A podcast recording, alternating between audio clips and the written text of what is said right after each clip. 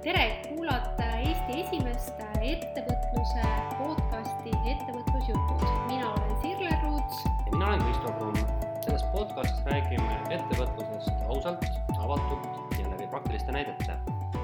oled oodatud kuulama, kaasa mõtlema ja otse loomulikult ka tegutsema. kohtume podcastis tere ja ettevõtluse juttude podcasti kuulaja meil on hea meel taas kord äh, rääkida ettevõtlusjuttude äh, teemadel. Ja eriti tänulikud oleme just selle tõttu, et see ettevõtlusjuttude podcast võeti kõigi poolt ääretult hästi vastu. Ja meie siis enda poolt anname panuse selle sisu tootmisesse ka edaspidi ja olete oodatud kuulama ja täna siis äh, teemaks on, äh, kuidas siis ettevõtjana olla järjepidev ja leida seda motivatsiooni, aga sissejuhatuseks, äh, kuidas siis meil on läinud vahepeal? Kristo, kuidas sul? tervist ka minu poolt. no mis ta läinud on, ega praegu on koolitajatel kõige tihedam hooaeg ilmselt, eks ise tead, veebruaris hakkab pihta ja siis läheb sinna suveni välja, et äh, algavad uued grupid ja tulevad uued teemad ja nagu ikka et ma kuulsin, sa käisid teatris ja tahtsid oma kogemust jagada. Äh, jaa, äh, mul õnnestus saada mm, siis Lehman Brothersi etendusele piletid äh, ja tõesti, tegu on ülihea teatritükiga, mis räägib nii ettevõtlusest kui ka rahast ja investeerimisest ja minu selline ahaa-moment oli sellel, sellel etendusel see hetk, kus siis äh, Äh, Lehman Brothersi lugu sai alguse äh, tuhat kaheksasada nelikümmend viis vist, äh, kui ma õigesti mäletan, ja sellest, et vennad arvutasid välja tasuvuspunkti, ehk siis kui paljude klientideni nad peavad jõudma. ja mm, siis ma mäletan, et sellel hetkel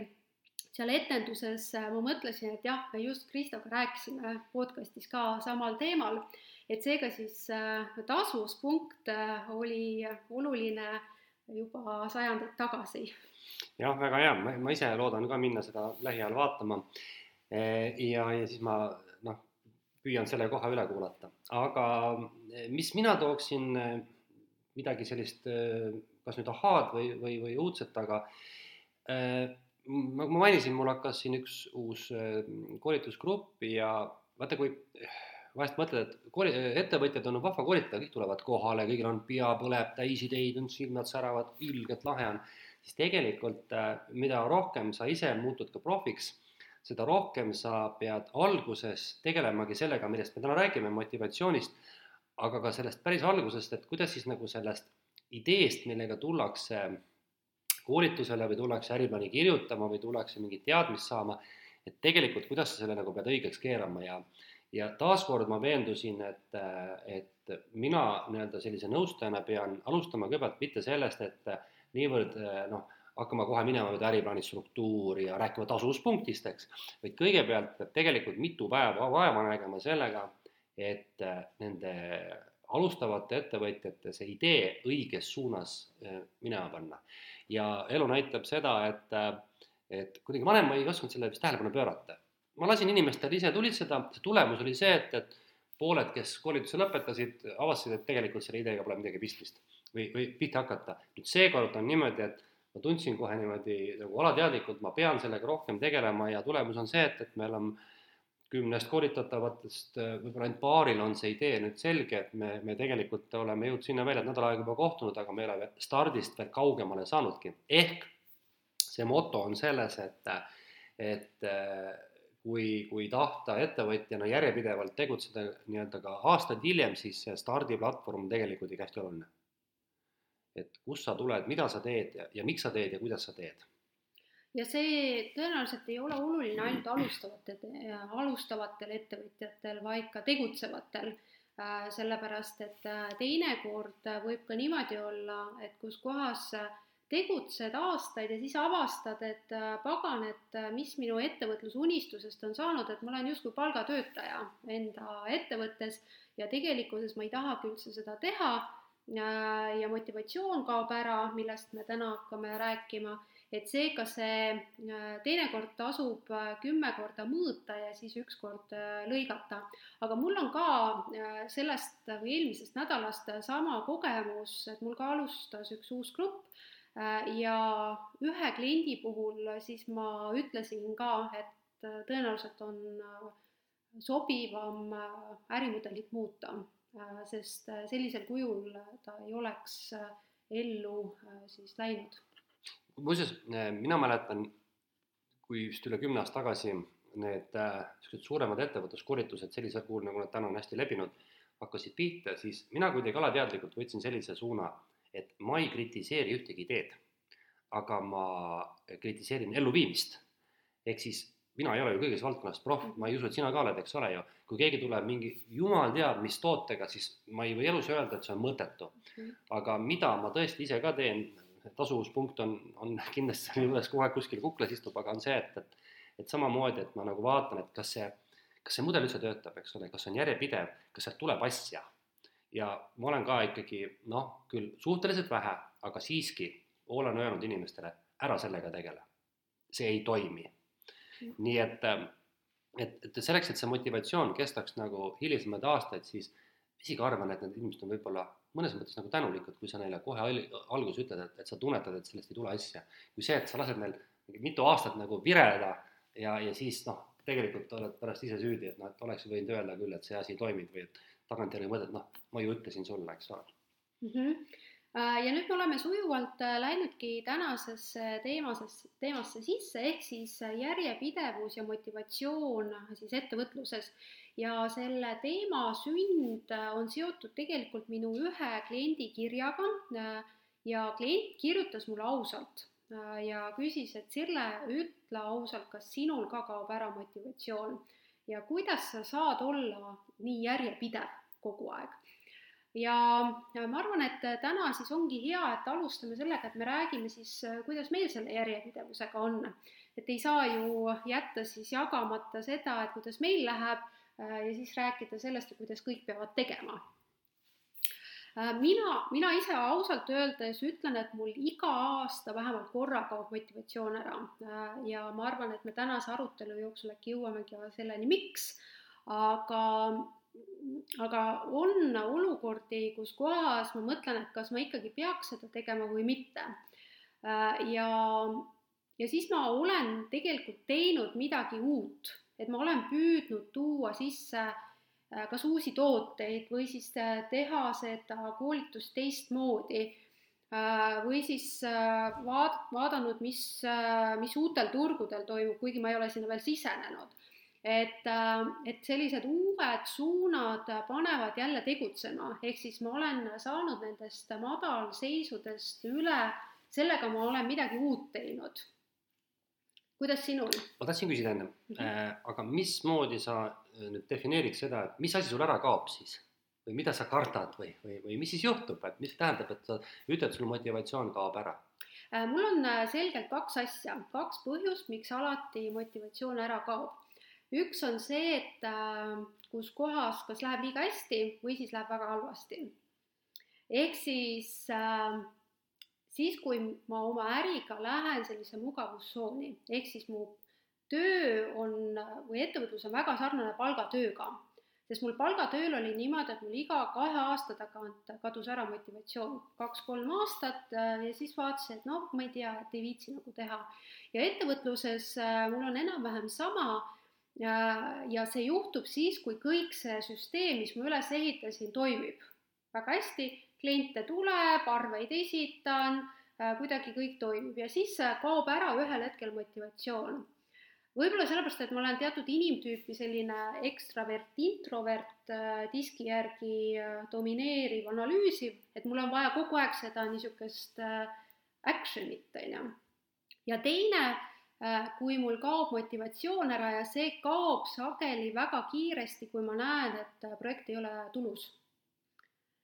ehk siis äh, ma olen ka jätnud näiteks mingit projekte ära äh,, kus kohas ma olen vaadanud, et, et noh, et see päris äriliselt ei ole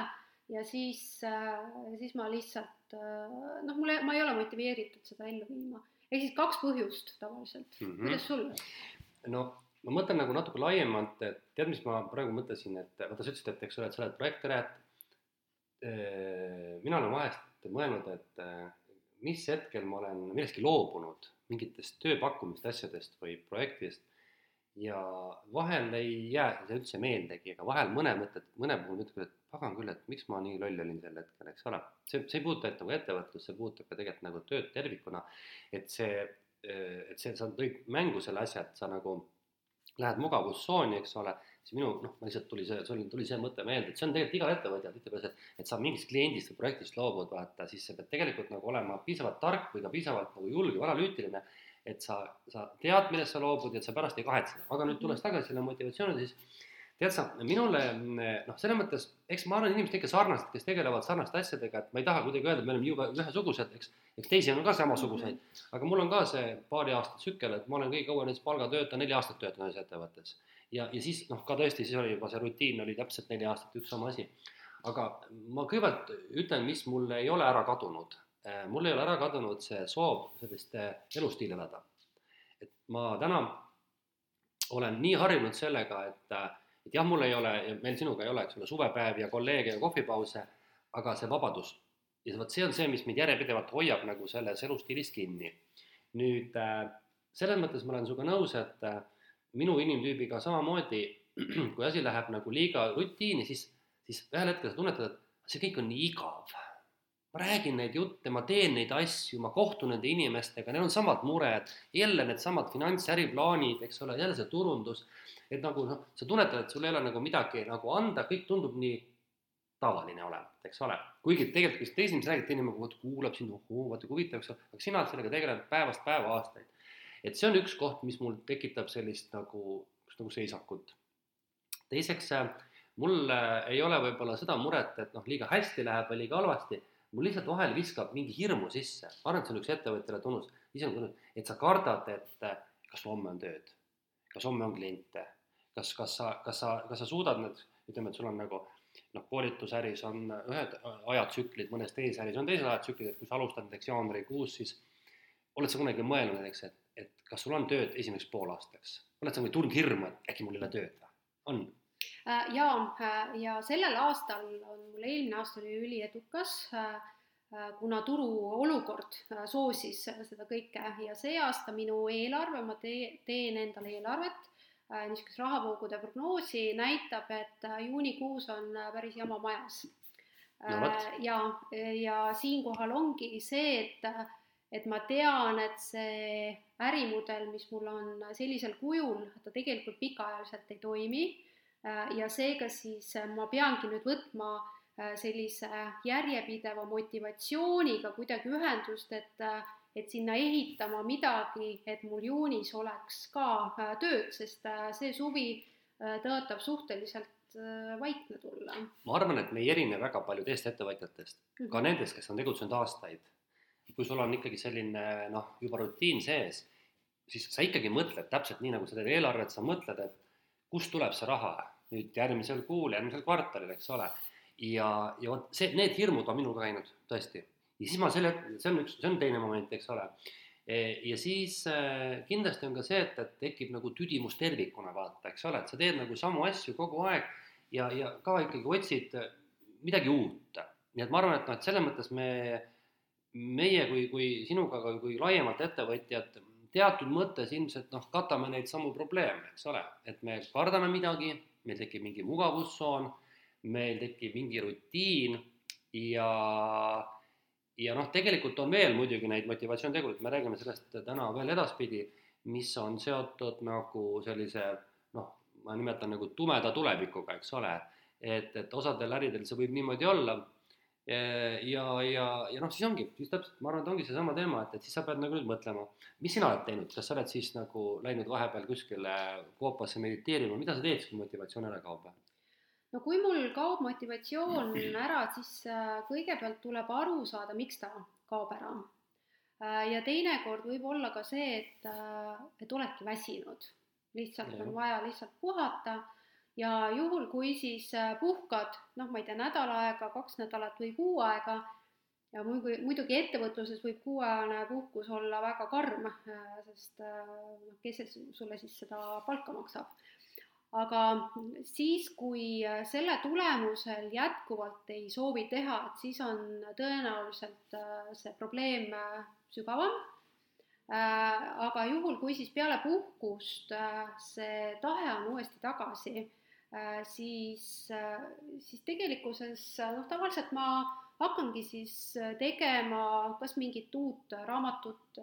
või siis mõtlen välja mingi uue koolituse ehk siis äh, peale seda puhkust, äh, kui on see motivatsioon olemas ja usk oma ettevõtlusesse, siis äh, tekib see loovus. ja ettevõtjatena on ju üheks oluliseks pädevuseks on probleemide lahendamine. Ja juhul, kui siis motivatsioon kaob ja see järjepidevus kaob, siis ju tekib mingi seisak. see tähendab seda, et ma ei suuda isegi seda probleemi lahendada mis siis tähendab, et võib-olla kõigepealt on vaja natuke puhata, vaadata seda kõrvalt ja seejärel siis kas sa hakkad tegutsema või ei hakka ja sellel hetkel ma tõesti olengi mingitest asjadest loobunud, mida, mida ma tunnen, et see aeg on nüüd läbi. Minul on, mul on, ma toon kõigepealt mängu isiklik kogemus, siis ma räägin natuke laiemalt, et, et isiklikul pinnal see, see, see kõlab jube voodoo'na, aga tegelikult on see tõsi, et kui sa midagi nagu välja hõikad, siis see täitub ka sul, ma mäletan, et ma tegin kuus aastat, tegin ma ühele kliendile ühte koolitust, iga kuu regulaarselt kaks päeva. ma olin, ma võisin nagu kõrvade peal seistes rääkida sellest asjast. ma teadsin juba ette, mis küsimused tulevad ja, ja tead, kus ma lõpuks olin väsinud, ma ei viitsi enam ise edasi areneda, ma tundsin, et ma hakkan valetama nendele inimestele. Või, või mitte valetama, vabandust, ma ma võin hakata nagu mõjuma petlikult, sest kui sa iseennast enam üldse ei huvita see teema, sa ei suuda enam köita, siis on see vale. ja tead, see saigi otsa,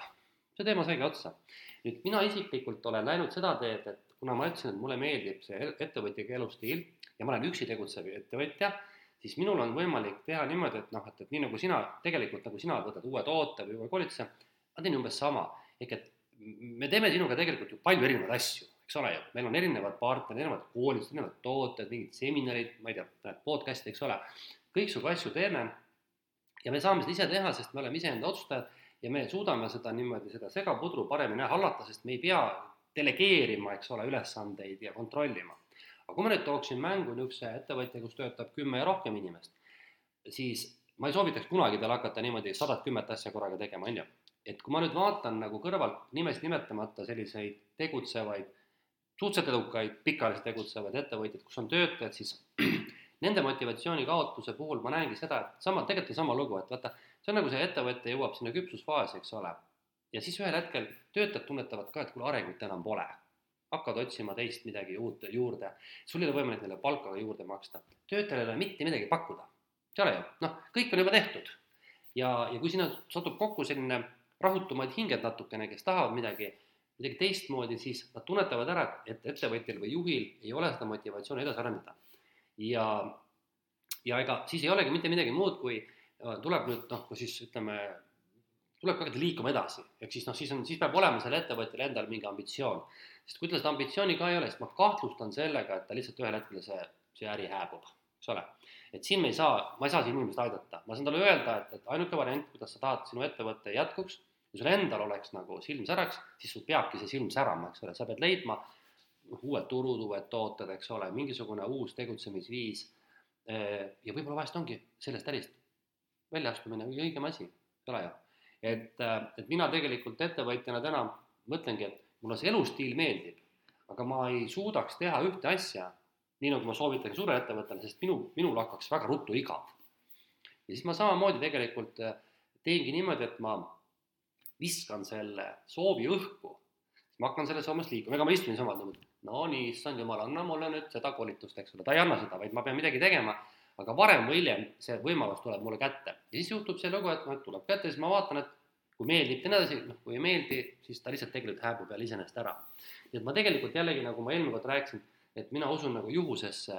õnne selles ettevõtluse alustamises, ma tegelikult usun ka juhus selles, et et kui sa nagu tegutsed õiges suunas ja oled juba pikalt tegutsenud, mees nagu on pikalt tegutsenud, siis sa ei pea tegelikult väga palju pead vajama, kas järgmises kvartalis on tööd. kui sa teed paar-kolm õiget liigutust, siis on see töö tegelikult, eks ole ju. Küsimus on selles, et kui me nüüd tõesti jõuaks sinuga sellisesse punkti, et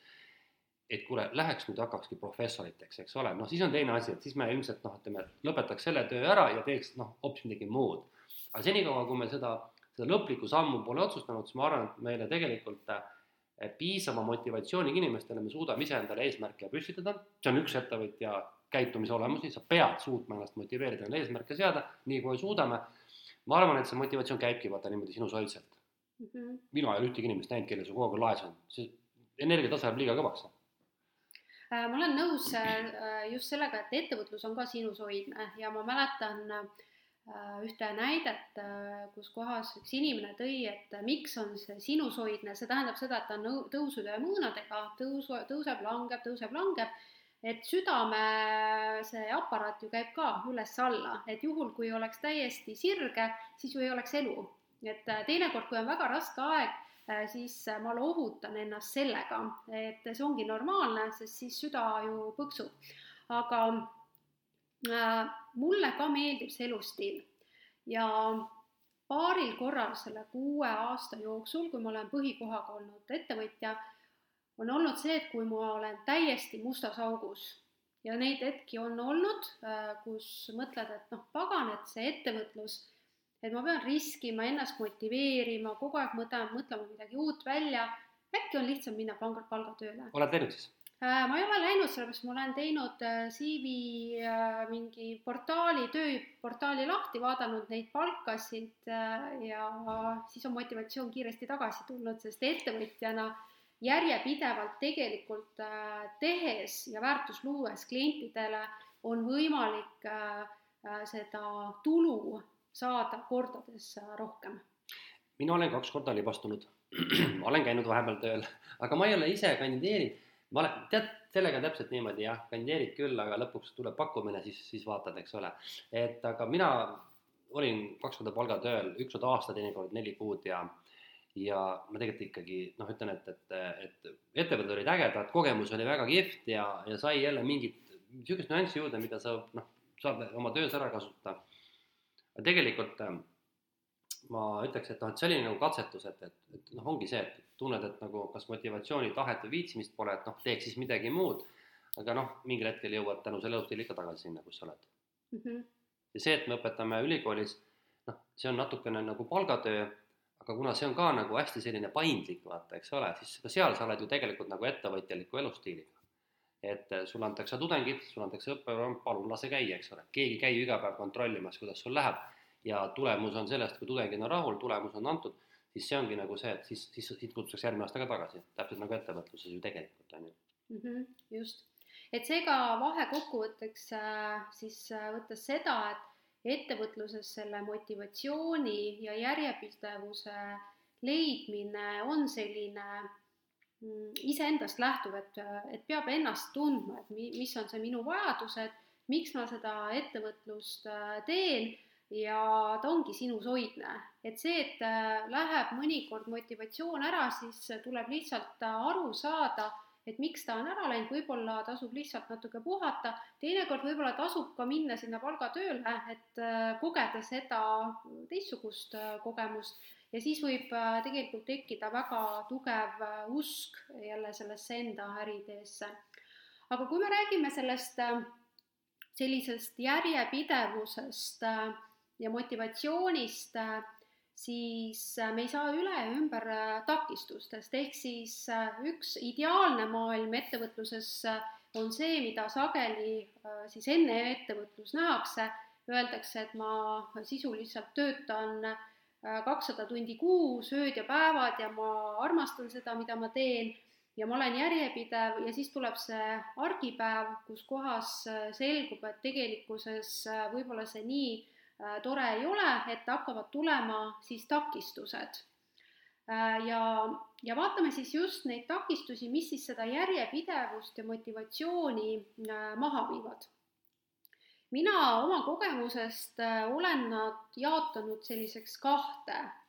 ossa. ühed on äh, psühholoogilised, need on siis seotud äh, selle ettevõtja endaga ja, ja teised on sellised tehnilised või praktilised igapäeva sellised takistused, mis tulenevad vägi, väliskeskkonnast, mõnes mõttes psühholoogilised on seotud meie sisekeskkonnaga, mida me saame mõjutada ja, ja need äh, tehnilised on rohkem nagu ärikeskkonnaga, mida me küll saame ka mõjutada, aga noh, teinekord me peame nendega ka arvestama või mis, mis sa arvad, äh, Kristo? jaa, äh, noh siin on niimoodi, et, et mõnes mõttes võib öelda, et, et kindlasti on mingeid ettevõtlusvaldkondi, kus ühed või teised tegurid on dominantsemad, et eks see sõltub, millega sa tegeled, et kas sa tegeled nagu noh, ühelt poolt noh, vaata majandus räägitakse, on olemas nagu eh, nii-öelda avatud majandus ja siis on nagu see, siis suletud majandus, suletud majandus, mis riigi sees toimub, eks ole, avatud siis nagu, nagu ekspordile ja, ja üldisele konkurentsile, et et mõnes mõttes võib öelda, et nagu see, see suletud majandus on selline nõudluspõhine, tihtipeale rohkem isegi, eks ole, kus sa pakud juuksuriteenust või teed kohvikut või toodad, ma ei tea, leiba, eks ole, et noh, sa tead, et noh, seal nagu see, see, see nõudlus on kogu aeg nagu olemas, aga, ja, ja just nagu see väliskeskkond võib-olla isegi nagu seda kuidagi soosib, aga sise saab nagu, nagu tuleb see hoog otsa, eks ole. ja siis on teistpidi, võib mõelda nagu, et, et samal ajal lähed nagu välisturule, et moti on nii, et ossa, paganast tapa, aga, keegi ei oota sind seal, eks ole, konkurents on megatihe ja, ja, ja kõik tahavad kõigile nagu ära panna, et eks ta sõltub hästi palju sellest ka. aga ma ise mõtlesin tuua selle, juba eelmisel podcast'is meil jäi vist rääkimata, et, et me seda teemasid arutades mainisin sulle, vaata, eks ole, et üks mu tudeng kirjutab ühte lõputööd just nimelt sellist ettevõtlusmotivatsioonist ja ja ta siis, äh, me siis leidsime ühe uuringu, mis on läbi viidud vist kaks tuhat viisteist või kuusteist Euroopa Liidus, kus uuriti siis nagu ettevõtjate sellist kestlikkust. Ja siis seal toodi välja, eks ole, see fakt, et Eesti ettevõtjad on stardi mõttes nagu hästi, nagu keskmiselt palju rohkem motiveeritud, aga pärast kolmandat aastat hakkab nende see nii-öelda ettevõtlusaktiivsus langema ehk ettevõte hakkab nagu sulguma ja nagu noh, tegevus hakkab lõppema. Ja siis et mikspärast see niimoodi on, et siis toodi välja nagu erinevaid niisuguseid olulisi faktoreid, et, et seal taga on siis ka seesama motivatsioon, eks ole, et lihtsalt ühel hetkel saab mingi motivatsioon otsa, siis teine oli see nii-öelda isiklik julgus ja, ja, ja hirm, et äkki ma ei tule toime ja siis loomulikult, kes, et noh, kas ärimudel töötab või ei tööta. ja, ja noh, need on need, need, need minu arust nad päris hästi ütleb ära, millega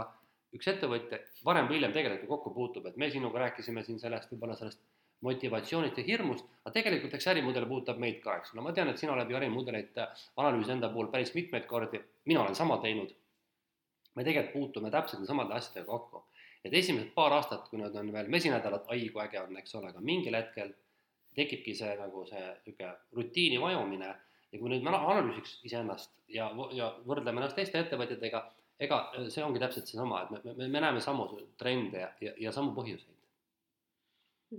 Ehk siis äh, esiteks äh, jah, et, et äh, see, et ongi hirm. Ja hirm ei ole ainult seotud või julguse puudus või motivatsioon ei ole ainult sõltuv sellest et et ma alustan või ei alusta. Et see saadab tõenäoliselt ka tegutsevaid ettevõtteid, kes on võib-olla viieaastased, kümneaastased ehk siis tõesti, seal äh, tõenäoliselt on mingid olukorrad, äh, mis äh, korduvad ja, ja seda noh, hirm lahustub alati läbi tegevuse, on minu selline mantra, mida ma olen kunagi õppinud. ja ma oma klientidele ka soovitan, et kui on hirm, näiteks alustavad, kes tulevad koolitusele, neil on väga suured hirmud, siis ma ütlen, et lihtsalt tee, lihtsalt tee ja too seda kliendiga suhtlust sisse, sest klient alati peegeldab, kas seda nõudlust on või ei ole. Äh, ja elu näitab, et äh, need hirmud hakkavad taanduma, juhul kui siis see tegutsemine sinna juurde tuleb ja ka motivatsioon on mõnes mõttes seotud sellega, et ma näen või kogen mingit tulemust, sellepärast et kui ma õigesti nüüd mäletan, siis inimese organism toodab seda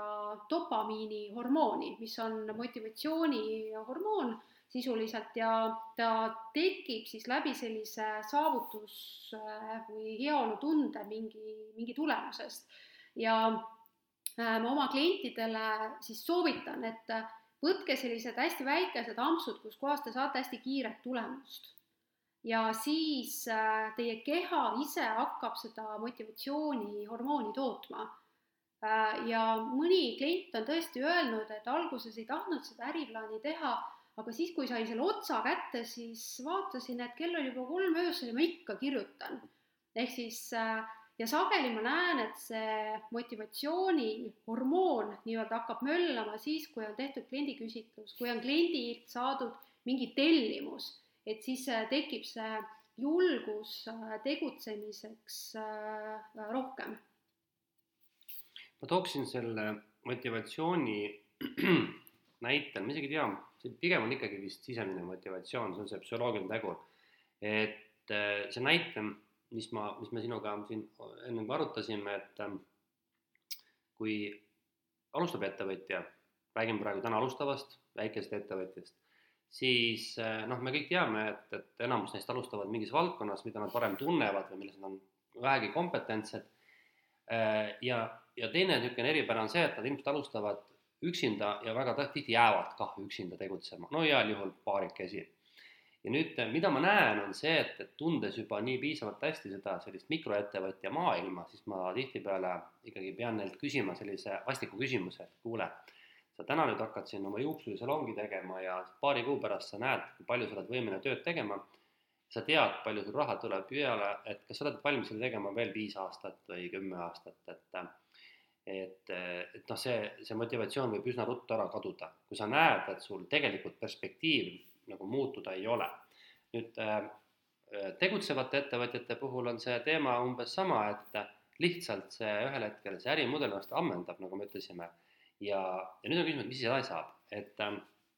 mina olen noh, me siin rääkisime oma motivatsioonist, ma arvan, me oleme täpselt sama asja ees olnud, et, et üksi tehes, mikroettevõtjana tehes sa näed, et ühel hetkel, et et su maht ongi nagu selle ärimudeliga täis. ja nüüd mina olen alati öelnud seda, et, et esiteks peab inimene mõtlema, et kas ta tahab ettevõtja olla, see tähendab, et ta peab olema enesejuhtija, ta peab enesele seadma eesmärke, ta peab iseennast motiveerima, talle peab see asi meeldima. Ja nüüd järgmine asi on see, et, et kui sa tunned, et sa ei suuda enam midagi edasi teha, siis sa pead midagi muutma, sa pead muutma näiteks ärimudelit, sa pead hakkama midagi muud tegema, sa pead hakkama asju teistmoodi tegema. kui sa ütled, et sulle ei, kõik sobib, siis polegi probleemi, eks ole et, et kui sa võid kümme-viisteist aastat teha üht sama asja ühes samas mahus eh,, no siis ongi okei okay,, siis ei ole ju probleem, eks ole. nüüd äh, nende samade nii-öelda suuremate ettevõtete puhul tegelikult on sama teema, et äh, konkurents on vaata nii tihe, et mikspärast nagu suurettevõtted tihtipeale põruvad. väikeettevõtja, ta on nii väike, ta ei mõjuta turgu, vaata, ta toimetab oma keskis eh,. ta on ainult mõjutatav mingite üksikute välistegurite pealt, eks ole suurettevõte aga läheb hoopis suuremasse konkurentsi, sa oled kohe kellegi jaoks nagu tülikas ja sa ei saagi seisma jääda, sa peadki kogu aeg mõtlema, olla parem, parem, parem ja noh, mina ütleks niimoodi, et noh, vaata näiteks, käi ringi mööda linna, vaata näiteks mingeid kauplusi. ma toon niisuguse näite, ma mäletan kunagi Solalise keskuses avati üks kauplus. seal müüdi minu mäletamist mööda vist kosmeetikat. Läksin mina siis sinna poodi ja vaatan, mõtlesin, et, et noh, ma tundsin ette, et see pood siin kaua ei kesta sest noh, nad olid, nad ei olnud mikroettevõte, seal töötas hulka inimesi, see oli suur kauplus, see tähendab, et nad konkureerisid sisuliselt ütleme, Viru keskuse või kaubamaja kosmeetikaosakonnaga. aga ma ei näinud mitte midagi, mis nad oleks teinud teisiti. ehk siis minu nagu see sõnum on see, et, et mis see point on, mis on see nagu teistmoodi tegemine, eh, mis, mis, miks sa seda asja teed, eks ole, et, et noh, et sa, sa oled nagu hoopis teistsuguses konkurentsipositsioonis, sa pead tegema asju teisiti, sa lihtsalt muidu ei tule toime. ja vot nüüd äh, mina olengi nagu püüdnudki nendele nii-öelda ka nagu tegutsevatele ettevõtjatele, ma näen, et nad on selle takistuse ees muuseas. et nad on jõudnud kuskile piirini välja. ja isegi neil võib-olla ei ole seda motivatsioonipuudust, aga nad on niisugune sein ongi ees. mis edasi nüüd? Et see on tegelikult, äh, noh, mul on siin ettevõtted, kes on käibelt mitme miljoniga ja ütlevad, et aga, aga nüüd ongi visioon. et ma näen, et kasumit ei tule ega ei tule ja ei saagi tulema veel niipeagi, et mis ma nüüd siis teen. no vot, ja siis nüüd ongi küsimus, mis me siis teeme äh, seega siis ma saan aru, et äh, sõltumata sellest, et kas ettevõte on alustav või ta on tegutsev, siis ühel hetkel ikkagi see omanik peab seda visiooni nägema ja seda, et kuidas ta siis seda ärimudelit arendab äh, tegelikkuses äh,, sest äh, võib-olla aeg-ajalt ongi see ootus, et ma alustan ära ja siis kõik juhtub iseenesest. ja, ja ma oma ettevõtlusvabaduseni jõuan ja ma ei pea tööd tegema ja kõik nagu toimib. sest mul siin ka on koolitustel aeg-ajalt olnud neid inimesi, kes on andnud mulle koolituse käigus tagasiside, issand, kui palju peab tegema selleks, et selle väikese tuluni alguses jõuda ja ma pean seda tegema mitmeid aastaid. ja siis ongi küsimus, aga kas ma tahan seda teha? sest äh, ettevõtjatena on ju see, et me peame iseennast motiveerima, ennast juhtima ka nendest äh, langustest läbi, sellepärast et kui me oleme tööl, siis see kohustus on meie ülemusel. tema peab tegelema meie motivatsiooniga aga ettevõtjana me peame äh, siis iseennast motiveerima, esiteks, et me hakkaksime tegutsema ja teiseks, et me siis äh, viime ellu kas uue ärimudeli, et me jõuaksime sellise uue äh, tasandini oma ettevõttes. aga tuleme korra tagasi, et kuna meil võib, noh, kuulab ka selliseid inimesi, kes võib-olla ei ole veel ettevõtjad, mis asi see ärimudel siis on? et räägime siis selle ka lahti võib-olla ma alustan ise mm, -hmm, et yeah. panin selle õhu, küsimuse õhku, et äh, mis asi see ärimudel on. mina tegelikult aastaid ise koolitajana olles mõtlesin, mis asi see ärimudel on. Et räägitakse Canvase ärimudelist ja siis on, äh, siis on mingid tegevuspõhised ärimudelid ja kliendipõhised, et mis asi see siis on. ja kui ma kaks aastat tagasi osalesin Ameerikas Maria Forleo B-Schoolis, siis tema ütles väga geniaalselt, ärimudel on rahamudel. ehk siis ettevõtluses äh, peab raha liikuma ja juhul, kui see äh, ärimudel ei ole rahamudel, siis see on hobitegevus. Äh, ja juhul, kui ettevõtjal on väga palju erinevaid ideid, siis ta peab nendest ideedest otsima välja või valima välja selle, kus kohas see raha liigub. ja miks ma seda rahamudelit siia sisse tõin? on see, et ma tegin mõned aastad tagasi oma klientide seas uuringu ja ajal siis lugedes ka Töötukassa poolt tehtud uuringut oma klientide seast ja Euroopa Komisjoni uuringut, siis enam levinud takistus ettevõtluses äh,, eriti just kasvamisel, oli rahapuudus, kas klientide puudus või rahapuudus äh,. ja, ja seega siis äh, raha on ka üks põhjuseid, miks, kas otseselt või kaudselt hakatakse ettevõtlusega tegelema. ehk siis see ärimudel peaks tootma raha ja kui see sein jääb ette, siis mina saan aru, et äh, sealt raha enam ei tulegi. või mis sa arvad? jaa, see on täitsa selge, et, et me peaksime ikkagi ausalt ütlema inimestele, kes hakkab ettevõtjaks, et ettevõtluse eesmärk on alast aega olnud kasumi tootmine, see on tema nii-öelda makromajanduslik üldse roll, eks ole ju Äh, aga nüüd ma tulen korra selle äri nagu mudeli juurde, et tead sa, mina küsisin ükskord iseendalt ammu aega tagasi, siis ma mõtlesin, et väga nutikas, ma küsin osalejatelt, koolitatavatelt, ettevõtjatelt, mis asi on äriidee? no äriidee on, noh, äriidee on äriidee, eks ole, ja katsu nüüd defineerida äriideed, no ei ole võimalik nii lihtsalt. ja siis mina leidsin selle kohta päris selgituse, et, et äh, äriidee on tegelikult viis mingite probleemide lahendamiseks, eks ole. see on see, et, et kellelgi on probleem või sa leiutad talle selle probleemi või vajaduse ja äriidee on see, kuidas seda teed. et äriidee ei ole äh, midagi enneolematut, tegelikult äriidee on olnud või, või see äriidee on, on äh, meie ürgsest kuskilt inimese ajaloost alguse saanud vajaduste lihtsalt teistsugune rahuldamine. ja nüüd, mis asi on ärimudel, minu jaoks ärimudel on see, et kuidas sa seda äh, nii-öelda seda protsessi ellu viid, et näiteks ütleme, et kui kui toome siis meie võrdlevad näited, et, et me oleme koolitajad, siis kui meie eesmärk on, meie äriteeks on õpetada inimesi, eks ole, et inimesed tahavad saada midagi, noh, ütleme targemaks, eks ole, siis ärimudel on see, et kas me teeme seda veebi teel või teeme seda siis niimoodi klassiruumis, eks ole, et see ongi nagu tegelikult ju ärimudel. et see on ikkagi nagu tegutsemisprotsess, jah, täpselt õige. kuidas asi jõuab kuhugi välja ja noh, loomulikult, et see oleks järjepidev tasuv, eks ole, no mis veel, mõlemat pooli rahuldav, noh, seal on niisuguseid tingimusi. ega tegelikult seda on suhteliselt lihtne aru saada ja mõista ja nüüd noh, kui mina räägin, et, et, et alati, et et ettevõtja peab, näiteks tegutsev ettevõtja peab muutma ärimudelit, et siis noh, ma püüangi selgitada, see on see, et, et, et sa pead nüüd seda raha tootma teistmoodi, eks ole, nagu sa ütled, jah.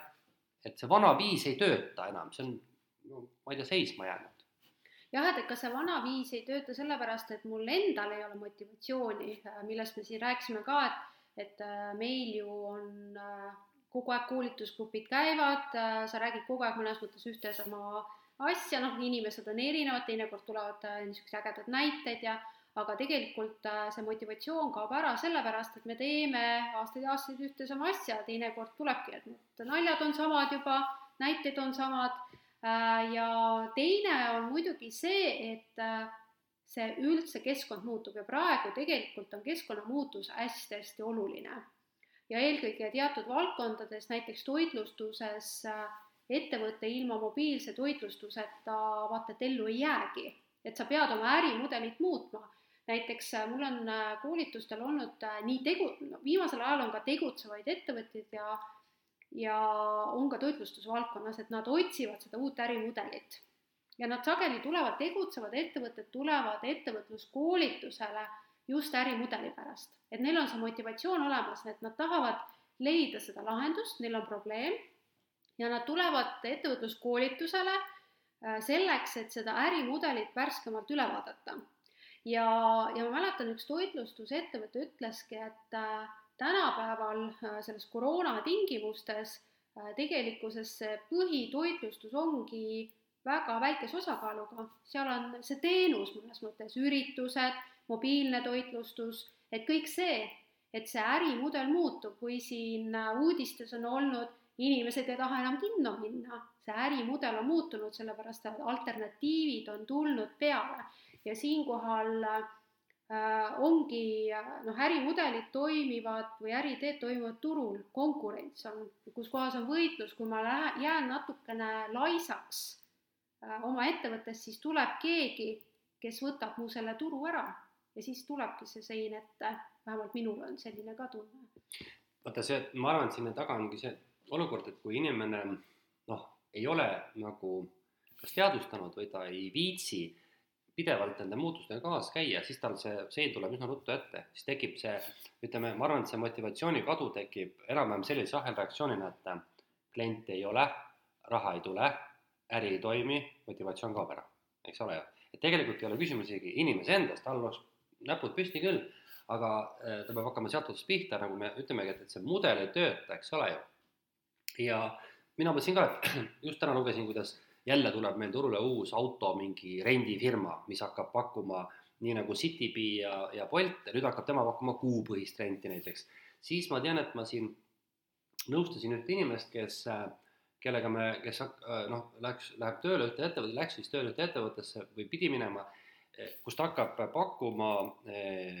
ma ei ütle, mis asi see on, igaks juhuks, et mitte saladusi avaldada, hakkab pakkuma sellist liiki meie igapäevaeluks vajalikke asju nii-öelda kuupõhise maksena, see subscription fee põhise asjana, et ma veel nagu karp lahti, noh, eks ole, ehk siis tõepoolest, varsti on niimoodi, et televiisorit sa ei osta, vaid sa maksad renti kakskümmend eurot kuus ja see telekas on sul kodus. või näiteks, et noh, et autot ei osteta, vaid seda renditakse, toitu tuuakse meile kulleriga, kino asemel on meil, ma ei tea, mis iganes asi, eks ole, ja koolitus ilmselt võib ka teistmoodi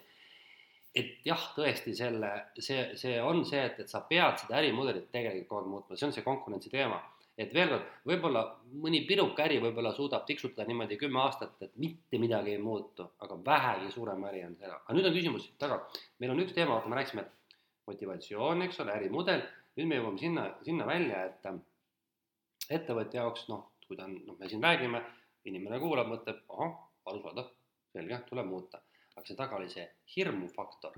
eks ole, et ei julgeta muuta. on sul niisugust probleemi olnud? Äh, jaa, on, äh, sest äh, noh, ettevõtluses, kui sa alustad, ma mäletan enda alustamist ka, et siis nagu sa ütled, et mul olid näpud püsti, kuidagi julgesid neid riske võtta ja ja, ja noh, et, et see kirg ja see usk oli hästi-hästi suur ja seal on ka see, et, et noh, noh, teen, on ju, vot teen, on ju. Äh, siis äh, nüüd, kui aastaid on äh, tegutsenud, siis see on küll hirm, sellepärast ja hirm on pigem see, see ei ole see, et ma ei julge ideid ellu viia, see ei ole, aga hirm on seotud sellega, et mul on ju mingi kliendibaas olemas, mul on mingi asi sisse töötatud. ja kui ma nüüd äh, lähen sellesse uude ärisuunda, see tähendab seda, et ma pean sellest, äh, mis ma olen üles ehitanud, loobuma. ja see hirm on seotud sellega, et ma teen vale otsuse, et ma loobun sellest tehtud tööst äh, ja noh, minnes kuhugi suunas, kuhu ma äh, siis, ma ei tea, kuhu ma jõuan ja ma väga tõsiselt siin kaalusin, et äkki ma peaksin võtma endale töötaja. Ehk siis mitte loobuda siis oma sellest ühest ärisuunast, näiteks ma tegin äriplaane, ma praegu ei tee neid, ma panin neid pausile. Äh, ja ma tegin arvestused, arvutused äh, selles osas, et kas mulle tasub võtta töötaja või mitte. ja selles segmendis, äh, kus kohas mina tegin äriplaane, alustavad ettevõtted, seal ei tasunud see ära ta oleks tasunud, kui ma oleks ka seda äriplaanide ärimudelit muutnud, et ma oleks hakanud suure projekti tegema äh, ja mul ei olnud selleks nagu huvi. ehk siis, äh, et siis oli nagu kerge seda, sellest loobuda, aga eks mul natuke kripeldab ikkagi, et kas, kas ma tegin ikkagi õige otsuse. ehk siis see hirm on pigem seotud sellega, et ma loobun sellest toimivast mudelist, et aga ma ju ei tea, kas see uus läheb toimima, ehk siis, ehk see hirm või ebakindlus selle ebamäärase tuleviku ees, võib-olla niimoodi. mina näiteks ütlen, et minu, minu hirm on seotud sellega, et noh, kaudselt sama, mis sul, võib-olla ma siis nagu sõnastan mm -hmm. teisiti, et see on see, et, et kõik nagu toimib. ja kui sa võtad midagi uut, siis sa pead võib-olla äh, minema nagu sammu tagasi, vaata, rahalises mõttes on ju elumugavuste mõttes. ja siis tunned, et tead, vanustama nii palju ei viitsi, eks ole, hakata nüüd riskima ja parem lasen samamoodi edasi. kui ma vaatan nüüd tegutsevad ettevõtjad, kes on tegelikult olnud turul kaua aega, et miks nemad ei julge muutuda, siis tegelikult see on sama, nagu me räägime siin praegu niimoodi üksikettevõtjana eh,. asi töötab ja kui sa võtad nüüd mingi uue riski, näiteks kaasad uut kapitali või lähed uuele turule siis risk kaotada, ka see kõik, mis toimib, on nii suur, et pigem ei julgeta. ja, ja sa võid ju teha igasugu arvutusi, sa võid igasugu analüüse teha, tegelikult sa ju ei tea päriselt, kuidas läheb, on ju. et see, see ongi nagu, mina ütleks, et see on nagu üks ettevõtjate niisugune väga selge nagu selektsioon, et, et on keegi, kes julgeb riske võtta ja muidugi peab ka olema võimalik rahalises mõttes. ja siis on, on mingi teine seltskond, kes kas ei julge või tal pole seda võimalik. ma toon ühe näite sulle. see oli tegelikult nüüd juba ammu aastaid tagasi, mingi äkki mingi kolmteist aastat tagasi või niimoodi. ma töötasin ühe Eesti suurettevõtja juures ja mu siis kolleeg rääkis, et ta oli küsinud selle ettevõtja käest, see on Eesti mõistes mastaapne ettevõtja ikkagi, et kuule, et kui palju, see oli mingi ilmselt mingi õllejutt natukene, kuule, kui palju sa nagu oleksid valmis kaotama mingis äris niimoodi, et silm ka ei pilgu. see oli krooni ajal. aga mis sa arvad, palju see summa oli, kas oskad pakkuda või? see oli mingi kaks tuhat, ütleme kaheksa, üheksa niimoodi, kümme. vot ma ei oska isegi pakkuda. kümme miljonit krooni. kümme, ma oleks pakkunud ühe. jah, kümme miljonit, ütlesid, see pole saa-, probleem üldse. ja nüüd mõtle, eks ole, et äh, kümme miljonit, pane see nüüd eurodesse, see on ikkagi päris suur summa, eks ole. et kui palju on ettevõtjaid, kes saavad nagu võtta täiendavaid riske lastes näiteks seal ütleme miljoni eurot lihtsalt tuulde öelda, et see oligi nagu riski nagu, nagu ütleme raha. et ei ole väga palju, eks ole, Eesti oludes. ja selle tõttu me peame aktsepteerima sinuga koolitajatena ja nõustajatena, et, et, et me ei saa nagu öelda inimesele, et mine ja tee, sest sa pead arvestama, et selle riski võtmisel on oma hind, vaata. ja kui see hind on liiga kallis, siis sa pigem ei tee seda, nii nagu sina ka ei ole valmis nagu startup'i ettevõtjad praegu ilmselt eh, nuudleid sööma kolm kuud või kuus kuud või kolm aastat on ju niimoodi. ja, ja kõik loobuma kõigest, mis sul on, selleks, et siis nagu järsku äkki õnnestub nagu eh, miljonäriks saada. ega ei ole ju, eks ole. Mhm. kahekümne aastastena võib-olla oleks veel valmis aga võib-olla siin ongi see erinevus startup ettevõtjate ja tavaettevõtjate vahel, et startup ettevõtluses on see, et äh, proovime, teeme. kui ei tule välja, okei okay,, oleme proovinud, aga tavaettevõtjana me tunneme justkui, et me oleme läbi kukkunud. et kui me võtame selle riski, äh, siis äh, järgmisel, järgmisel hetkel me oleme nagu ebaõnnestujate kategoorias. et võib-olla siin on ka see, et see ühiskondlik äh, arvamus või hinnang noh, ka mängib rolli, et me oleme justkui ebaõnnestunud siis, kui me riskime. võib-olla tõesti jah aga ma tahtsin tegelikult tuua, mul muidu läheb meelest ära, et, et ühe hea mõtte, mis mulle õudselt meeldis, see on pärit raamatust, mille autorit ma ei mäleta, aga raamatu nimi on Õuna südames. see on kirjutatud äh, Apple'ist ja see raamat äh, lõpeb siis, kui Steve Jobs sureb. aga ta räägib, kuidas Steve Jobs ehitas üles Apple'it nii et teist korda, siis kahe tuhandendate aastate või üheksakümnendate keskest kuni siis selle kahe tuhande kümnenda või mis ta suri siis kaksteist. ja üks tema filosoofia mis on, on minu jaoks õpetus iseendale, oma tillukesele ettevõttele ja mida ma soovitan ka teistele, selline, et Apple on tegelikult ju tavaettevõte meie mõistes, aga nende ette, selle ettevõtte sisekultuur, töökultuur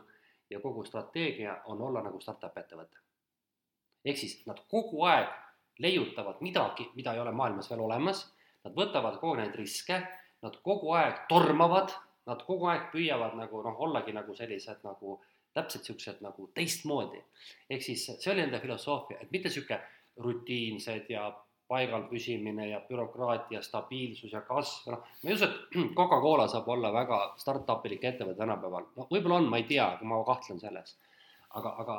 aga Apple oli ju seda ja vot see on nagu soovitus, et, et kuidas nagu motivatsiooni hoida kõrgel, kuidas leida seda teistmoodi tegemist, siis mõtlegi enda ettevõtte peale kui startup'i peale, et sa tahad olla innovaator omas valdkonnas ja, ja sa tahadki hakata looma midagi, kas või selle, minu pärast selle piruka-putka mõttes, eks ole, mida ei ole veel keegi mitte kunagi loonud, on ju. et see siis äh, noh, see muidugi sõltub ka inimestest, et mõni inimene, noh, ma vaatan oma kliente ka, ongi selline, et kellele meeldibki selline hästi rutiin ja ta teebki seda täpselt ühte liigutust kümme aastat äh, ja talle väga meeldib, et et seega meie sellise mõtete jagamise mõttega ei ole see, et öelda, et rutiin on demotiveeriv, et see võib olla väga-väga motiveeriv äh, teatud inimtüüpidel, aga just on ar oluline aru saada, et kes ma ettevõtjana olen. ja mina ikkagi enamasti, kui ma näen erinevaid ettevõtjaid, siis ettevõtjad on tegutsejad. noh, ongi ette võtma, midagi tegema Äh, ja juhul, kui see sein tuleb ette või see motivatsioon kaob selles rutiinis, et siis võib-olla peakski rohkem proovima midagi uut tegema, teha. et sealt ka tuleb see järjepidevus ja motivatsioon äkki. muuseas, mina olen alati öelnud niimoodi läbi nalja, et, et ma olen ka ettevõtja, aga mul ei ole ühtegi megaettevõtet, mul ei tööta sadu ja tuhandeid inimesi, keegi kunagi muuseas ühe minu mingi kas esinemise või postituse peale kuskil Facebookis kommenteerid, mõttetu mees. Mitu firmat sa lood oled, mitu inimest sul töötab? noh, hästi aus küsimus, aus kommentaar, aga noh, tavaliselt need kommenteerijad ise noh, on kaugel ettevõtlusest, aga ütleme, et aus kommentaar, jah, ma ei ole loonud tuhandeid töökohti ja mul ei ole megaettevõte ja ma ei maksa miljoneid makse.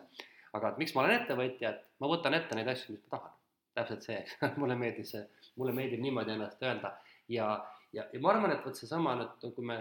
peaks nüüd nagu rohujuure tasandile korraks tagasi minema, me räägime siin küll motivatsioonist, aga aga kõik teemad ja kõik mõtted on ju head, mis me arvame, et võiks nagu kuulajale kasuks tulla, et seesama, et noh, et, et, et ettevõtja võikski olla see, kes võtab ette erinevaid asju, mis äh, loovad väärtust talle ja kellelegi teisele, eks ole. jah, mulle meeldib äh, oma klientidele ikka öelda, et äh, ettevõtjad on selliste, selline noh, probleemide lahendajad see tähendab seda, et esiteks nad lahendavad iseenda probleeme, kuidas ennast motiveerida, kuidas ennast juhtida, äh, kuidas oma selle sellise töötasuga tegeleda, et ma saaksin äh, selle sissetuleku. Ja teiseks äh, nad lahendavad klientide probleeme. see, et kui sa lahendad kliendi probleemi, mille eest on ta raha ma-, valmis maksma, et siis on see väga hästi lahendatud probleem ja, ja selleks, et olla motiveeritud, siis äh, ma viskan üles või õhku sellise mõtte, et äh, ettevõtja peaks armastama probleemide lahendamist. et see võiks tegelikult teda äh, ka motiveerida, et tal on mingid väljakutsed, mida siis vastu võtta mis sa arvad? jah, noh, ma arvan, et selle me tunneme ära sellest, et kui sa lähed, ütleme, lähed restorani sööma ja kui sa nüüd vaatad, et kui tuleb niisugune tülpin näo, mis sa tahad? aa, makaron, ah, okei okay,, no jah. no saad aru, et noh, et ta ei lahenda sinu probleemi, eks ole. või teine asi tuleb niisugune särav vend, kes, eks ole, et noh, ta näed, et ta tahab, et sa saaksid siit elamuse, toiduelamuse, kõhu, mitte ainult kõhutäis, vaid elamuse. sa tunned selle ju kohe ära, eks ole. siis sa saadki aru, et noh, et üks on ettevõtlik, kes tahab su probleemi lahendada ja sellele sa oled nõus raha andma, eks ole, teine näeb sind pigem probleemina, eks ole. ja no neid näiteid on hästi palju, kus ma olen tõesti nagu naernud, kuidas, kuidas inimesed noh, okei okay,, nad ei ole ettevõtjad, on töötajad olnud, aga noh, see näitab ka seda, et kui su töötajad lükkavad kliente eemale, öeldes, et ma ei taha sind teenindada, siis järelikult noh, ka sa tuled sinna ettevõttesse tagasi, eks ole. et jah, see on hea mõte, et me, me peame tahtma neid probleeme lahendada ja kui sa ei taha, siis järelikult on midagi nüüd katki, on ju. et, et, et siis või, või tegelikult tead, ma ütleks veel ühe ikkagi ühe asja, mis on niisugune äh, ettevõtjaks olemise üks see motivatsioonitest see motivatsioonitest kõlab julmalt, aga see võiks olla niimoodi. kas sa teed asju, sa teed selle asja sellepärast ära, et sa ainult mõtled, palju sealt raha saad? või teed sa seda asja niimoodi, et raha on nagu tulem? vot see on jube hea test, vaata, oled sa koolitajana kunagi testinud, lähed mõnda koolitust tegema, mõtled, et pekki, ma teen seda nüüd sellepärast papi saada, tegelikult mul ei tahaks teha, on juhtunud niimoodi? Äh, ma ütlen ausalt, mul on mingeid olukordi juhtunud selliselt, et ma vean ennast nii-öelda kohale seetõttu, et seal on teatud tasu, aga tavaliselt on niimoodi, et kuna ma olen hästi kirglik selle ettevõtluse teemal ja, ja mind see väga-väga huvitab, äh, siis selle koolituse käigus ma saan aru, miks ma seda teen. ehk siis äh, see diskussioon, mis klientidega tekib äh, ja see, et kui kliendid lõpuks tulevad, ütlevad, et äh, ma sain sellise ettevõtlusidee või, või inspiratsiooni või motivatsiooni, et võiks, võiks tõesti teha, et siis see alati on suurem tasu äh, kui siis äh, see raha. aga yeah., aga ma olen vedanud ennast, ma ütlen ausalt, ma ei hakka valetama, et ma olen ennast vedanud välja nii-öelda sellepärast, et ma tean, et ma saan oma arved maksta et ma, et see on pikaajaline klient äh, ja ma teen selle ära, aga selle protsessi käigus ma olen saanud sellise tugeva dopamiini laksu nii-öelda, kus kohas ma olen aru saanud, et miks ma seda teen. mul on küll olnud niisuguseid koolitusi, kus ma tõesti teen hambad ristis lõpuni mm. ja ei tule mingit emotsiooni ka. On olnud, no viimane, ühte ma mäletan, see oli tegelikult juba väga ammu aega tagasi, noh kümme aastat ei olnud, aga võib-olla sinna tuuri küll jah. Et ma lihtsalt tegin sellepärast, et noh, tegelikult ma nagu vihkasin, ma mõtlesin kogu aeg, mis ma nendega teen ja pikk oli siis ka, oi, üks konkreet tuleb meelde, aga tead, mis on veel üks hea motivatsiooni niisugune test, mis aitab sul enda jaoks nagu selgusele jõuda, mitte ainult meie äris, loomulikult mujal ka. vaata, Mare Borgi käest kunagi küsiti, et kuule, et räägi, et kui palju sinu elus on asju, mida sa tahad teha, mida sa pead tegema ja siis ta rääkis noh, tol hetkel, et vot, et, et kaheksakümmend protsenti on tahan ja kakskümmend on pean. et, et ideaalis ma tahan liikuda sinna, et on sada protsenti tahan. ja nüüd ongi, mõtle nüüd ettevõtjana, et kui sa jätad kõrvale, noh, sa pead tegema, noh, okei okay,, sul on nagu noh, ütleme seal raamatupidamist ja niisugused asjad, need on niisugused, sa ei saa neid kunagi nagu nullini eirata. aga kui sa võtad tervikuna, et kui palju sinu tööst on see, mis sa tahad teha ja kui palju see, mis sa pead tegema. ja kui see pead tegemine hakkab ikka domineerima siis ma arvan, et see ongi üks selle nii-öelda järjepidevuse ja motivatsiooni äh, nagu tapjaid. et siis sa ei muutu enam tahtjaks, siis sa pead ja vot see ei ole enam see koht, eks ole. Äh, ma olen sinuga nõus, äh, sest äh, kui ma pean tegema, teinekord võib see, et ma pean ära tegema, see aitab välja sellest lühiajalisest motivatsioonikriisist, et ma ikkagi noh, teen need ära kas või kohusetundest aga juhul, kui see on ikkagi pikaajaline, siis äh, ma arvan, et see on otsetee läbipõlemisele, et äh, siis peaks tegelikult võtma aja maha ja mõtlema, et äh, miks ma seda ettevõtlust teen. Ja, ja äkki on vaja siis midagi muuta üldse. Ja see on ju täiesti okei okay,, kui aeg-ajalt äriideid muudetakse, sest ei pea olema mis ka tavaliselt äh, ettevõtjad siis, alustavad ettevõtjad mõtlevad, et kui nad hakkavad ettevõtjaks, siis nad peavad selle, kui muidu nagu palgatööl nad muudavad oma palgatööd, võib-olla aasta pärast lähevad teise töö, töökoha peale, et siis ettevõtjana justkui see on eluaegne. tegelikult äh, jah, ettevõtja võib olla eluaegne, aga need äriteed võivad ju tegelikult muutuda. ja, ja loomulikult, et äh, see on see on ikkagi noh, seesama, mis me rääkisime, vaata sinuga siin päris tänase teema alguses, et et kuidas me ise nagu aeg-ajalt satume mingisse nagu sinusoidi sinna põhja ja nüüd on küsimus, et noh, et sa pead leidma endas nagu mingi motivatsiooni ja väga sageli see motivatsioon tähendab seda, et sa hakkad tegema asju teisiti, eks ole, et ma arvan, et see on nagu, ma praegu lihtsalt mõtlesin, et, et ma tõmbaks paralleele juhtimisega, et, et ma olen nagu seda juhte, juhtide ja juhtimist ka ju noh, palju seda kokku puutunud ja uurinud ja ja, ja kui sa vaatad nagu noh, et mis motiveerib ühte juhti olema nii kaua mingi ettevõttega seotud või tegema juhtimistööd tipptasemel, mis on tohutu stressirohke,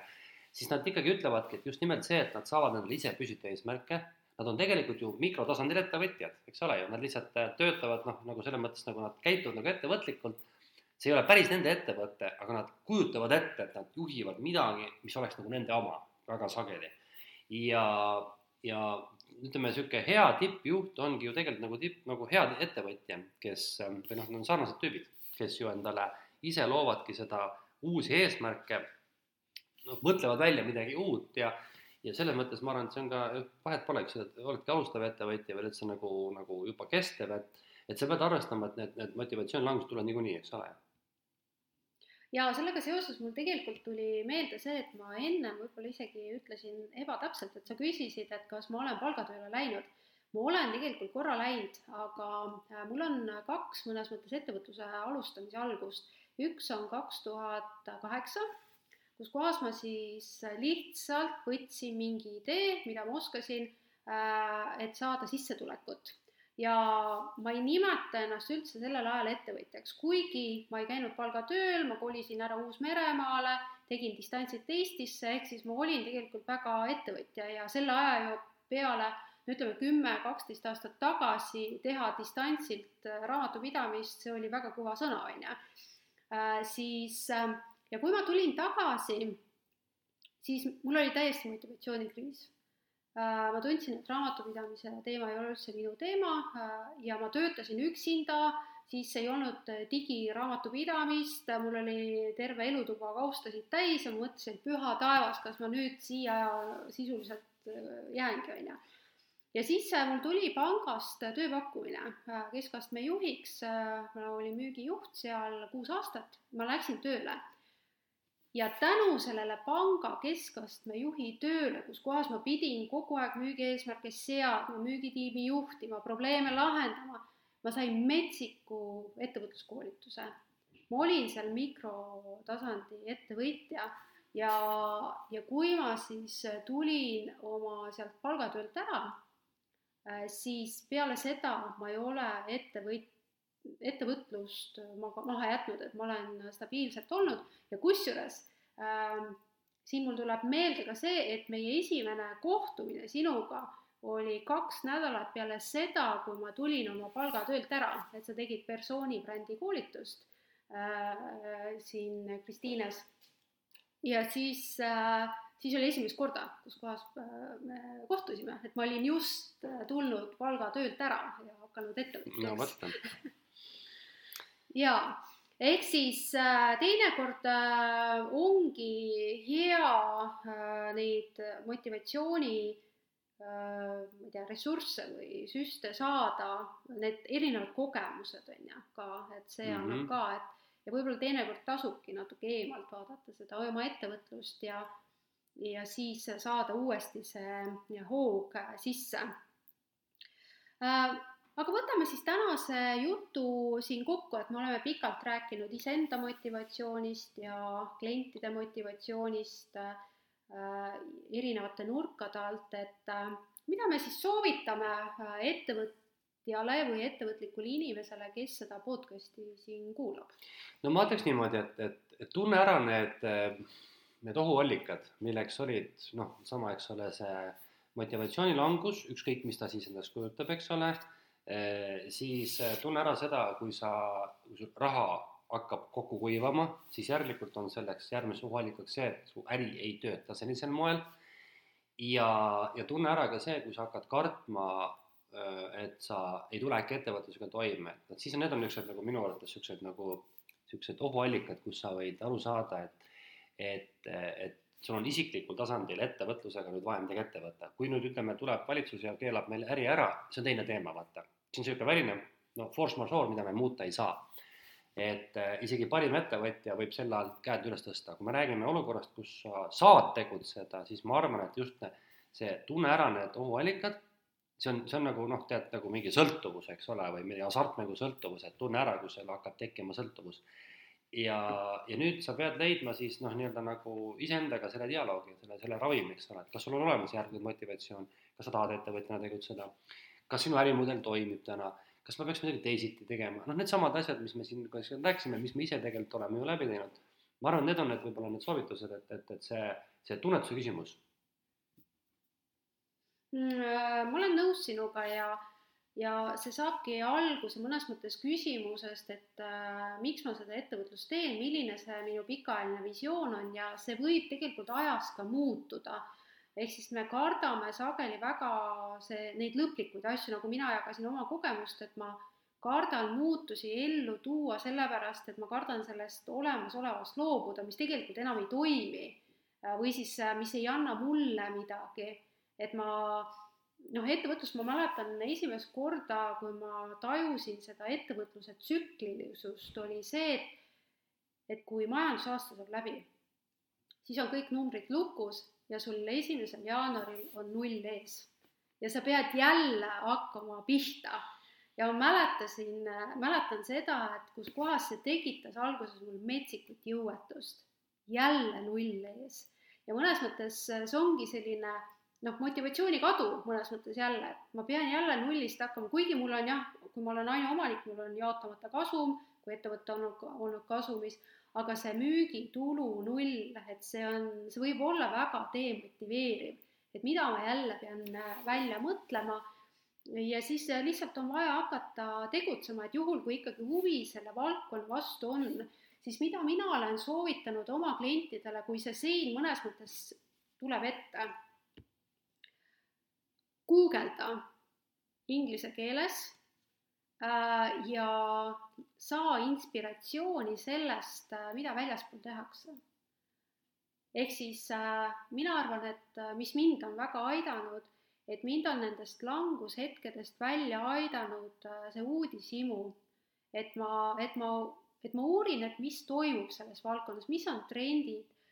see paneb sellise loovuse tööle, ehk siis et kui ma näen mõnes mõttes, et kuskil on midagi sarnast ära tehtud, et see annab mulle ka kindlustunnet ja see vähendab mu hirme. aa, et see võiks toimida, on ju, äh, ja, ja see ka aitab. aga ma arvan jah, et, et see saab alguse sellest, et et mul üldse on huvi selle valdkonna vastu ja muidugi see, et mõned ärid noh, saavadki otsa ühel hetkel. kas siis see, et ma ise ei taha seda teha või siis noh, ärikeskkond muutub. jaa, see, et otsa saab, see on täitsa nagu noh, paratamatu, aga mina, ma kuulan sinu juttu mõtlen, et kui, kui ma peaks praegu olema sinu nii-öelda nõustatav inimene siin, siis, siis mina võin küll nagu julgelt öelda, et mul täna siiski seda motivatsiooni on, et ma ka, mul ikka tulevad aeg-ajalt niisugused igasugu mõtteid ja, ja uusi ideid ja, ja ma olen ähm, tasapisi, vaata niimoodi märkamatult tegelikult sul ju need asjad muutuvad, mingid nagu tooted kaovad ära, mingid tooted tulevad juurde, tekivad teistsugused kontaktid, eks ole, teistsugused ärid tekivad sul mingid ärisuhted, võrgustikud, siis sa noh, koolitajana õpid midagi uut, hakkad seda õpetama, kasutad mingeid teisi meetodeid, veebikoolitused, et noh, tegelikult kui sa nagu vähegi viitsid ja tahad, siis seda, seda motivatsiooni leida on ikka küll jah, et äh, ma arvan ka, et mul on niimoodi, et, et tegelikult äh, praegu on koolitaja tippaeg, ma põrutan ilmselt noh, ma reaalselt annan jaanipäevani välja praegu ma arvan, ma ei muuda midagi, ma ei viitsi, mul ei ole, aga vot siis tekib suvel niisugune noh, võrkkiige jutt, eks ole, see peab tegelikult jumala hästi paika, eks ole, ja siis tekivad need mõtted, pagan, et oot, aga võiks ju seda teha ja teisiti, eks ole. et ähm, jah, ma arvan ka, et kui sa tunnetad, et sul see mott on olemas, siis juhtuvad midagi. jah, et, et siis ei tasu neid lühiajalisi motivatsioonikadusid äh, üle dramatiseerida, sest me oleme ikkagi inimesed ja meil on aeg-ajalt vaja lihtsalt jõudu koguda ja, ja siis lihtsalt edasi tegutseda. et seega ma jah, ka oma klientidele ütlen, et jah, ka minul kaob motivatsioon ära, järjepidevus aga ma läbi ikkagi puhkuse ja siis jälle tegutsemise äh, saan selle järje uuesti kätte. Ja noh, ettevõtjana on ju äge teha uusi asju, et siis tulebki minna tagasi selle, miks ma seda teen, et millest me rääkisime eelmine kord, et miks hakata ettevõtjaks, et see ettevõtlusvabadus, äh, see oma ideede elluviimine, äh, et, et seda mitte unustada, sellepärast et kui me ettevõtlusega alustamise ajal just see, seetõttu alustame et siis me ju tegelikult võiksime seda äh, kasutada ka siis, kui see sein jääb, e-, saab ette või tuleb ette, et ma saan oma ideid ju ellu viia mm. -hmm. et, et siis jällegi seda vabadust kasutada, on ju mõtle sellesama sinu soovitusele liikumisele mm, -hmm. et noh, elus käib kõik niimoodi vaikselt, eks ole, et, et see ei saagi olla kogu aeg on nagu puh, pulss on laes, et see ei ole normaalne, jah Äh, seega siis, äh, hea kuulaja, aitäh, et äh, kuulasid jälle. ma loodan, et said kas või paar sellist head mõtet enda ettevõtluse arendamiseks ja motivatsiooni hoidmiseks ja otse loomulikult mõtle oma ärimudelil, tunne oma äri, tunne iseennast